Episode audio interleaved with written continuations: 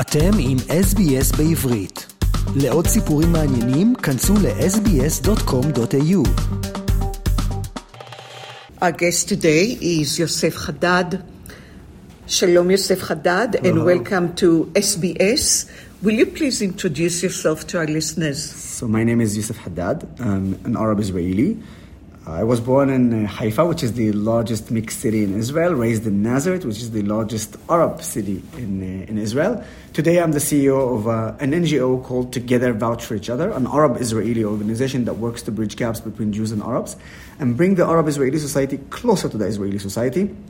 What we call it us first, which means we want to work, first of all, for the Arab Israelis, for Nazareth, in the north of Israel, for Akko, Lud, Haifa, Rahat, and not for Gaza or the West Bank, which is Ramallah and Jenin.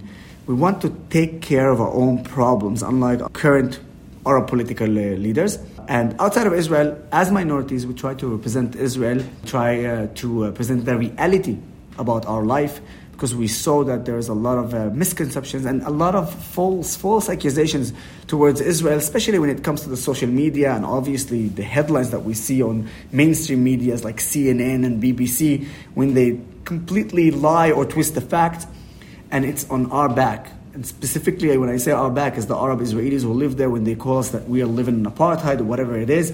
So for us, it's very important to go outside of Israel and speak about the, the reality. So we say the truth, we back it up with facts, and you know we know that Israel is not a perfect country. So when there is a, a legitimate criticism towards our country, we know also how to deal with it and not run away from it. This is the things that we do in our organization. I'm also a journalist for I24 News in Arabic and in English, and a lecturer on the topics of the conflict, Israeli-Palestinian conflict, and the Middle East. We are talking to Yoseph Haddad, an Israeli Arab, was born in Haifa and grew up in Nazareth. And you are listening to SBS Shalom Australia with Nitza Lowenstein. Yoseph Haddad, as an Israeli Arab, what is your vision for the future? How do you see the future of the Israeli Arabs within the state of Israel? And how do you see the solution to the Middle East conflict? What is your opinion about uh, two states for, for two people, the two state solution, yeah. so called? So, first of all, the vision for the Arab Israelis is very actually simple. We want to be fully integrated in the Israeli society. And when I say fully integrated in the Israeli society, we are 20% of the population. Uh, if you take ev- any official office in Israel right now, there is less than 1% representation in those offices it should be at least 20%. By the way, there is one specific topic or aspect in, in, the Israeli society which worked very well, which is the medical system, where despite the fact that we are 20% of the population, we are 30% of the doctors from the Arab society, or 50% of the pharmacists. That's really good. I want to see it in, a brighter way, and, and, and I want to see it in every aspect of everything in, in, the Israeli society. So this is the thing that we're working on. That's the vision that I see for the Arab Israeli society, and focusing also on what we call it the national service, not the IDF service. Any Arab Israeli who wants to, uh, as an IDF veteran myself, any Arab who wants to volunteer to the IDF, I will obviously support. But I'm promoting the national service, the, the, where you actually go and serve either the police department, fire department, or as a paramedic or medic, or in the special schools or hospitals. This is actually what we call it serving your country and at the same time serving your society, your community. And I believe that the national service is the key to the Israeli society and to bridge gaps between Jews and Arabs uh, in Israel. So I'm really pushing that uh, forward as much uh, as much as possible. I'm happy to tell you that 10 years ago there were only 200 Arab Israelis every year volunteering to the national service. Now we're talking over 5,000 Arab Israelis volunteering to the national service, and it's every year, which means like within the next few years you will have tens of thousands of Arab Israelis serving Israel. That's amazing. By the way, 42% of them are coming from the Muslim community. So this is great news, not only just for uh, the Arab society, but it's great news for the Israeli society. As for the uh, conflict itself, you know, many people uh, asked me, how do you feel about the fact that Israel is a Jewish and democratic state? And I said, great. We should maintain that and we should do absolutely everything to keep that definition as Israel as a Jewish and democratic state. And they would say to me, but you're an Arab and you're okay with Israel being a Jewish state? And I said, not only I'm okay with it, but I'm going to fight for it to keep it that way. And everybody is shocked, like, why? And the answer is very simple. The fact that Israel is a Jewish state allows it to be also a democratic state. If Israel ceased to be a Jewish state, Israel will cease to be a democratic state. And this is not something that I'm saying from an emotional place. It's based on facts. Look around us. Look at every Arab country in the Middle East. Not even one single one of them you can categorize them as a free country, as a democracy. And that's why when I talk about this issue, I always bring those two definitions Jewish and democratic. Now, let's move forward to that solution of the conflict, okay? Let's talk about one option. One option is Israel will do annexation to the West Bank and to Gaza. From this point, you have two options. Either we give full rights to the Palestinians in the West Bank and full rights to the Palestinians in Gaza, and then within just short time, demographically, the Arabs will be more than the Jews, and Israel will cease to be a Jewish state. At that moment, as I said, Israel will cease to be a democracy. Now, if Israel does not give full rights to the Palestinians in the West Bank and Gaza, then the dream of all the anti Israelis and the BDS organization will come to true because eventually Israel will become officially an apartheid state. Saying that, way before we talk about any solution or anything to end that conflict, we need to talk about the fact that the other side is not willing to recognize Israel. You know, I've been touring the world. I've been in South America, in the United States, in Australia here, Europe, just recently in the UK. People are, the anti Israelis and the BDS organizations are protesting against me. And what do I hear? I hear from the river to the sea, Palestine will be free. Or we don't want two state, we want all of it. What does that mean? It means the destruction and the end of Israel. So before we even consider any solution to the conflict, the other side has to recognize Israel and understand that Israel is not going anywhere.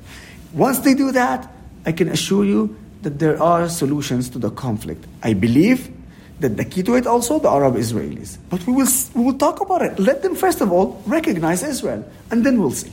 As an Israeli Arab, what do you think about the Palestinian in the West Bank? You wouldn't mind them having their own country, and I'm talking about Palestinians in the West Bank and in Gaza? As I said uh, before, the option of having their own country or not their own country is not on the it's not on on the ground right now.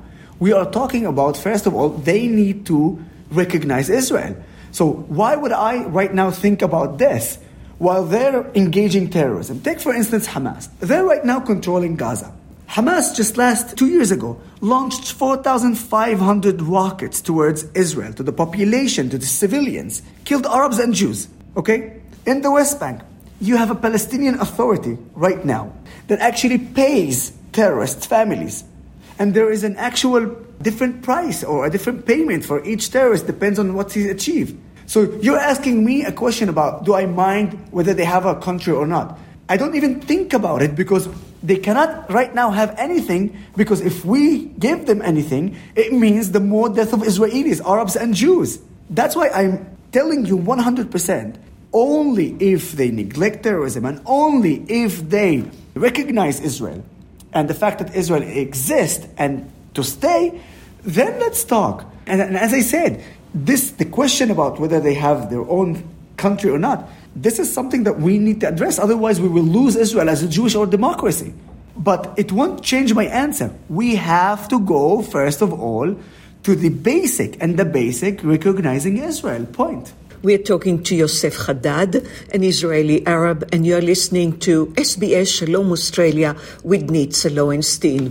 Yoseph, what is the reaction of uh, your family, your neighbors, the uh, Israeli society, or Arabs even uh, in the West Bank and Gaza uh, to your organization and to you personally? So, I've been targeted by a lot of extremists in the Israeli society, not only from my community. So, we have the extremists from the Arab Israeli community, we have extremists from the Jewish society, whether they're on the far right or the far left the common thing between all of them is that they are minorities, minority extremists. But the very noisy one. Very noisy one. That's the thing. Very noisy one, very violent, very, very violent. They try to intimidate you because they want you to get scared, because they're scared themselves from voices like us. Now, imagine this. Imagine if I would only received threat messages and hate messages. I would collapse. I would collapse. But the fact is that time after time, I get love and support from Arabs and from Jews and outside and inside Israel, dozens of them. Just shows you how it's possible. Otherwise, I'm telling you, if it wasn't the case, I could not do it. It's, it's not possible. If, if it was only hate and only threat messages, I would have collapsed. Which brings me also to my family. Without my family, you can't do something like this. People like me before in the past, you know, they tried to do what I do, but they lost their family. And then shortly they collapsed. I'm so lucky to have my family supporting me, to have my family in my corner, because at the end of the day, when you want to go back home, you want to go back to a loving house, a loving family, and that's what I get. And this is something that I will cherish and will appreciate my family forever for that. Uh, they are giving me the strength to continue. So, what is your vision? My last, last question. Your vision for the future for the Israeli Arabs and for the states of Israel and also for the Palestinians outside the state of Israel? I said partnership many times. And I really believe in that partnership. It exists. It exists in the level of the people on the ground between Arabs and Jews. I want to make this partnership stronger. But not just only in, in the level of the people. I want it to be even in higher positions, whether it's in politics or economics or everywhere, in every aspect of life in Israel. I want to make this partnership stronger between Arabs and Jews. Let me tell you something. Israel is strong if only its society is united and strong. And that's my vision. I want to make sure that the, uni- that the society is united and strong. And I should clarify I'm not here to uh, mix between the culture. I want each and every one to keep their culture and to keep their tradition. But I want to know your tradition and I want to know your culture and I want you to know my tradition and I want you to know my culture. This is the way to bridge gaps. And uh, if I may allow to add one more thing language. I think in Israel, every citizen, it doesn't matter if it's Jew or an Arab, he needs to know Hebrew, Arabic, and English but specifically Hebrew and Arabic. Jew and Arab, Jews and Arabs need at least to speak those two languages because language can bridge also between societies. And this is my vision to see every Jew know Hebrew and Arabic, to see every Arab know Hebrew and, uh, and Arabic, and to see our society united. Because when we're united, Israel is definitely stronger. Yoseph Haddad, thank you so much. Thank you. I learned a lot from you. Thank you. עקבו אחרינו והפיצו אותנו דרך דף הפייסבוק שלנו.